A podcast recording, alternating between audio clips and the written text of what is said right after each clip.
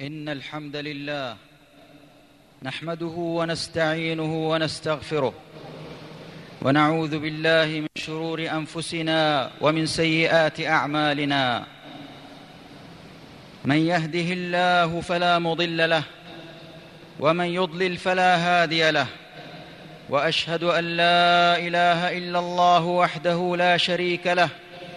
وأشهد أن محمدا عبده ورسوله. صلى الله عليه وعلى آله وصحبه والتابعين لهم بإحسان إلى يوم الدين. أما بعد فأوصيكم أيها الناس ونفسي بتقوى الله فإن التقوى خير ما يتزود به العبد ليوم المعاد. وتزودوا فإن خير الزاد التقوى. واتقون يا أولي الألباب.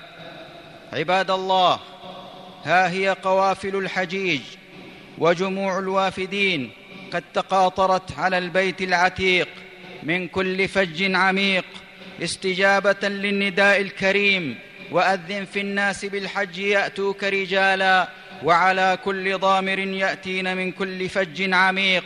فما أكرمهم عند ربهم وقد وفدوا عليه يدفعهم الإيمان ويحدوهم الشوق والحنين. قال صلى الله عليه وسلم الحجاج والعمار وفد الله دعاهم فأجابوه وسألوه فأعطاهم. أيها المسلمون حجاج بيت الله الحرام إن الواجب علينا أن نتبع رسول الله صلى الله عليه وسلم. إن الواجب علينا أن نتابع رسول الله صلى الله عليه وسلم في أعمالنا كلها. ومن ذلك الحج لأنه عليه الصلاة والسلام أكد ذلك فقال خذوا عني مناسككم ولمعرفة ما يشرع فعله من المناسك من يوم غد وحتى نهاية أيام التشريق نذكر مجمل هديه صلى الله عليه وسلم في ذلك. لما كان اليوم الثامن يوم التروية اتجه صلى الله عليه وسلم إلى منى وصلى بها الظهر والعصر والمغرب والعشاء وفجر يوم عرفة كل صلاة في وقتها يقصر الرباعية. وفي اليوم التاسع خرج من منى بعد أن أشرقت الشمس متوجها إلى عرفة وصلى بها الظهر والعصر جمعا وقصرا وتفرغ للدعاء والذكر حتى غربت الشمس. ثم دفع إلى مزدلفة فجمع بها المغرب والعشاء وقصر العشاء وبات بمزدلفة وصلى فيها الفجر وذكر الله حتى ظهر النور وانتشر وأفاض منها قبل أن تشرق الشمس. وفي يوم النحر يوم العيد رمى جمرة العقبة ونحر هديه وحلق رأسه وطاف بالبيت. وفي أيام التشريق بات بمنى وكان يرمي الجمرات الثلاث بعد زوال الشمس. عباد الله إن الحج من أوضح عبادات الإسلام التي يتجلى فيها اتباع قدوة الأنام صلى الله عليه وسلم والتأسي به في أقواله وأفعاله وأحواله. ومن أعظم الأحوال التي يتأسى فيها برسول الله صلى الله عليه وسلم أحواله في الحج مع ربه وقد أخذ ذلك صورا وألوانا شتى من أبرزها تحقيق التوحيد والعناية به. فمن أمثلة ذلك التلبية وهي شعار الحج الذي وهي شعار الحج التي تتضمن إفراد الله وحده بالعبادة. وما زال صلى الله عليه وسلم يلهج بها إلى أن أتى جمرة العقبة يوم النحر ليرميها. ومنها عنايته بإخلاص العمل فقد كان يقول في إحرامه اللهم حجة لا رياء فيها ولا سمعة. ومنها دعاؤه على الصفا والمروة بالتوحيد إذ كان يقول لا إله إلا الله وحده لا شريك له له الملك وله الحمد وهو على كل شيء قدير لا إله إلا الله وحده. قال مثل هذا ثلاث مرات. ومنها دعاؤه في عرفة بالتوحيد كما جاء في الحديث خير الدعاء دعاء يوم عرفة. وخير ما قلت أنا والنبيون من قبلي لا إله إلا الله وحده لا شريك له له الملك وله الحمد وهو على كل شيء قدير. وفي هذا كله عباد الله دلالة واضحة على وجوب تحقيق التوحيد في نفس كل مسلم. وكما أنه لا يجوز للعبد أن يسجد لغير الله فإنه لا يجوز له أن يدعو غيره من الأولياء والصالحين ولا يطوف بالقبور متقربا إلى أصحابها ولا يستغيث بهم ويطلبهم الشفاء والمدد وقضاء الحوائج وتفريج الكربات ولا يجوز أيضا أن ينذر لمخلوق أو يذبح له أو يسأله الشفاعة ويتوكل عليه أو يعتقد فيه القدرة على الضر والنفع والعطاء والمنع. والتصرف في الكون كل ذلك مما يحذره المسلم فهو من الشرك الأكبر المخرج من الملة. كما يحذر المسلم من إتيان السحرة والكهان فهو أمر محرم لا شك في تحريمه. وسؤالهم وتصديقهم وفعل ما يطلبون من الذبح ونحوه شرك أكبر. أيها الإخوة في الله ومن صور أحوال النبي صلى الله عليه وسلم مع ربه في الحج إظهار البراءة من المشركين وتعمد مخالفتهم وقد بلغ الأمر غايته حين تبرأ صلى الله عليه وسلم من أعمال المشركين في خطبته يوم عرفة. وأخبر أن كل شيء من أمر الجاهلية فهو موضوع تحت قدميه والشعائر التي بان تعمده المخالفة فيها كثيرة من أهمها التلبية. وقد كان المشركون يضمنونها الشرك بالله ويقولون فيها إلا شريكا هو لك تملكه وما ملك. فأخلص النبي صلى الله عليه وسلم فيها التوحيد ونبذ الشرك وتبرأ منه.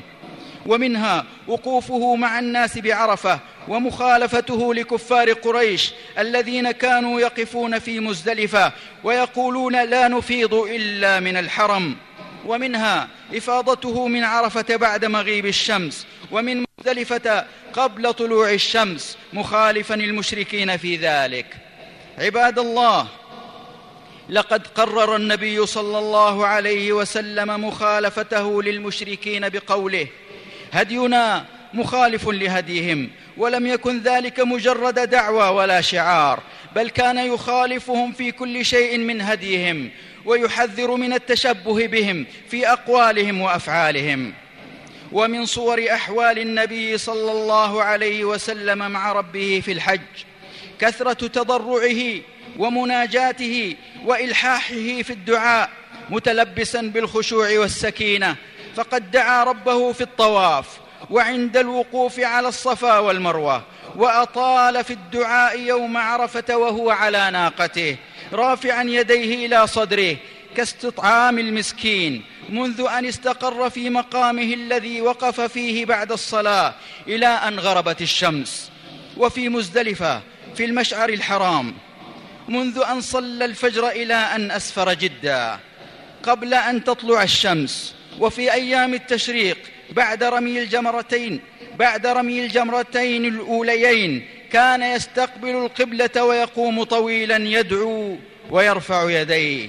أما دعاء الثناء والذكر فلم يفارقه صلى الله عليه وسلم منذ أن دخل في النسك إلى أن عاد إلى المدينة وكان عليه الصلاة والسلام حاضر القلب غير متشاغل بشيء عن نسكه خاضعا لربه فيه ذليلا منكسرا بين يديه. كما كان صلى الله عليه وسلم. خاشع الجوارح. يسير سيرا لينا بسكينة ووقار. ويؤدي مناسكه بتؤدة واطمئنان. وحث أصحابه على ذلك فقال أيها الناس عليكم بالسكينة فإن البر ليس بالإيضاع والإيضاع السير السريع. فاين غاب هذا الهدي النبوي عمن يؤذون إخوانهم في الحج وخاصة في أماكن الازدحام بالتدافع والضرب والشجار والشتم والصياح والبذيء من الكلام وعدم مراعاة حال الضعفاء من الناس. أقول ما تسمعون وأستغفر الله الجليل لي ولكم من كل ذنب وخطيئة فاستغفروه وتوبوا إليه. إن ربي غفور رحيم. الحمد لله المتفرد بالخلق والاختيار. القائل في محكم التنزيل وربك يخلق ما يشاء ويختار. أحمده سبحانه جعل البيت الحرام مثابة للناس وأمنا وخصه بأول بيت وضع للناس هدى للعالمين ويمنى. وأشهد أن لا إله إلا الله وحده لا شريك له. وأشهد أن نبينا محمدا عبده ورسوله صلى الله عليه وعلى آله وصحبه وسلم تسليما كثيرا. أما بعد فيا أيها المسلمون حجاج بيت الله الحرام إن الأمن مقصد جليل وهدف نبيل كل الناس يسعى إليه ويجب عليهم جميعا أن يحافظوا عليه. ومن فضل الله أن جعل هذا البلد امنا استجابة لدعاء إبراهيم عليه السلام وإذ قال إبراهيم رب اجعل هذا بلدا امنا. وقال عز من قائل وإذ جعلنا البيت مثابة للناس وامنا. كما جعل كل شيء فيه آمنا فلا يصاد صيده ولا ينفر ولا يقطع شيء من شجر الحرم ولا من نباته. وقال تعالى ممتنا على قريش التي كانت تعيش في بلد الله الحرام في أمن وأمان والناس يتخطفون من حولها قتلا وتشريدا وسفكا للدماء. قال سبحانه أولم يروا أنا جعلنا حرما امنا ويتخطف الناس من حولهم؟ أفبالباطل يؤمنون وبنعمة الله يكفرون. عباد الله إن الله تعالى قد قضى قضاء محكما. وأمرا مبرما فقال عن بيته الحرام ومن دخله كان آمنا فهو آمن قدرا وشرعا. والإلحاد في البلد الحرام من أكبر الكبائر. قال تعالى ومن يرد فيه بإلحاد بظلم نذقه من عذاب أليم. ومن يرد فيه بإلحاد بظلم نذقه من عذاب أليم. قال ابن مسعود رضي الله عنه لو أن رجلا هم فيه بإلحاد وهو بعدن ابين لأذاقه الله عز وجل عذابا اليما.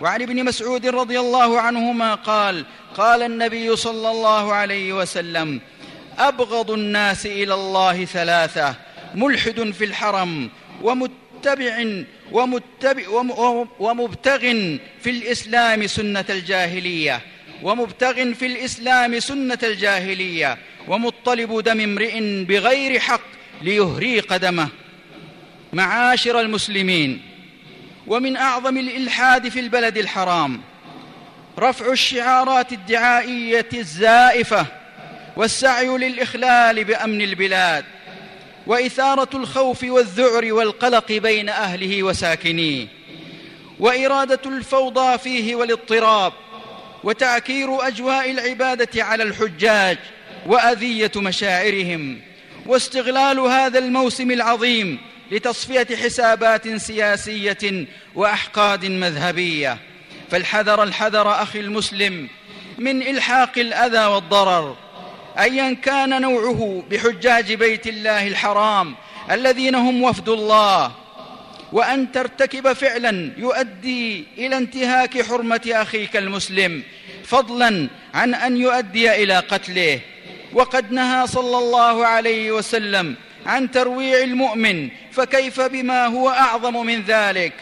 قال صلى الله عليه وسلم لزوال الدنيا أهون عند الله من قتل مؤمن بغير حق وفي رواية ولو أن أهل سماواته وأهل أرضه اشتركوا في دم مؤمن لأدخلهم الله النار وعن عبد الله بن عمر رضي الله عنهما قال رأيت رسول الله صلى الله عليه وسلم يطوف بالكعبة ويقول ما أطيبك وأطيب ريحك ما أعظمك وأعظم حرمتك والذي نفس محمد بيده لحرمة المؤمن أعظم عند الله حرمة منك ماله ودمه وأن نظن به إلا خيرا. عباد الله إن من كرم الله وإحسانه وعظيم فضله وامتنانه أن جعل لنا مواسم نستكثر فيها من العمل الصالح ونتزود فيها. أن جعل لنا مواسم نستكثر فيها من العمل الصالح ونتزود فيها من القربات. فحري بنا أن نغتنم ما بقي من هذه العشر وأن نري الله من أنفسنا خيرا فلا نستقل شيئا من العمل ولا نزهد في قليل من الخير أن نأتيه. هذا وصلوا وسلموا رحمكم الله على خير البرية وأزكى البشرية محمد بن عبد الله فقد أمركم الله بذلك فقال عز من قائل إن الله وملائكته يصلون على النبي يا أيها الذين آمنوا صلوا عليه وسلموا تسليما. اللهم صل على محمد وأزواجه وذريته كما صليت على آل إبراهيم. وبارك على محمد وأزواجه وذريته كما باركت على آل إبراهيم. إنك حميد مجيد. اللهم أعز الإسلام والمسلمين. وأذل الكفر والكافرين واجعل هذا البلد آمنا مطمئنا وسائر بلاد المسلمين يا رب العالمين. اللهم انصر دينك وكتابك وسنة نبيك صلى الله عليه وسلم وعبادك الصالحين. اللهم آمنا في الأوطان والدور وأصلح الأئمة وولاة الأمور ووفقهم لما فيه صلاح البلاد والعباد. وارزقهم البطانة الصالحة واجعل ولايتنا في من خافك واتقاك. وعمل برضاك يا رب العالمين. اللهم وفق ولي أمرنا لما تحب وترضى وخذ بناصيته للبر والتقوى وارزقه الرأي السديد والعمل الرشيد. اللهم احفظ حجاج بيتك الأمين. واجعلهم آمنين مطمئنين ويسر حجهم ووفقهم لأداء مناسكهم وتقبل منهم أجمعين. واجعل حجهم مبرورا وسعيهم مشكورا وذنبهم مغفورا وآتهم سؤلهم وحقق غايتهم وأعدهم إلى أهليهم سالمين غانمين. اللهم من أرادنا وأراد الإسلام والمسلمين بسوء فأشغله في نفسه واجعل تدبيره تدميرا عليه يا سميع الدعاء. اللهم كن لاخواننا المستضعفين والمجاهدين في سبيلك والمرابطين في الثغور وحماة الحدود اللهم اربط على قلوبهم وثبت أقدامهم واجمع كلمتهم على الحق ووحد صفوفهم وانصرهم على عدوك وعدوهم وكن لهم معينا ونصيرا ومؤيدا وظهيرا. يا رب العالمين عباد الله إن الله يأمر بالعدل والإحسان وإيتاء ذي القربى وينهى عن الفحشاء والمنكر والبغي يعظكم لعلكم تذكرون. وأوفوا بعهد الله إذا عاهدتم ولا تنقضوا الأيمان بعد توكيدها. وقد جعلتم الله عليكم كفيلا. إن الله يعلم ما تفعلون.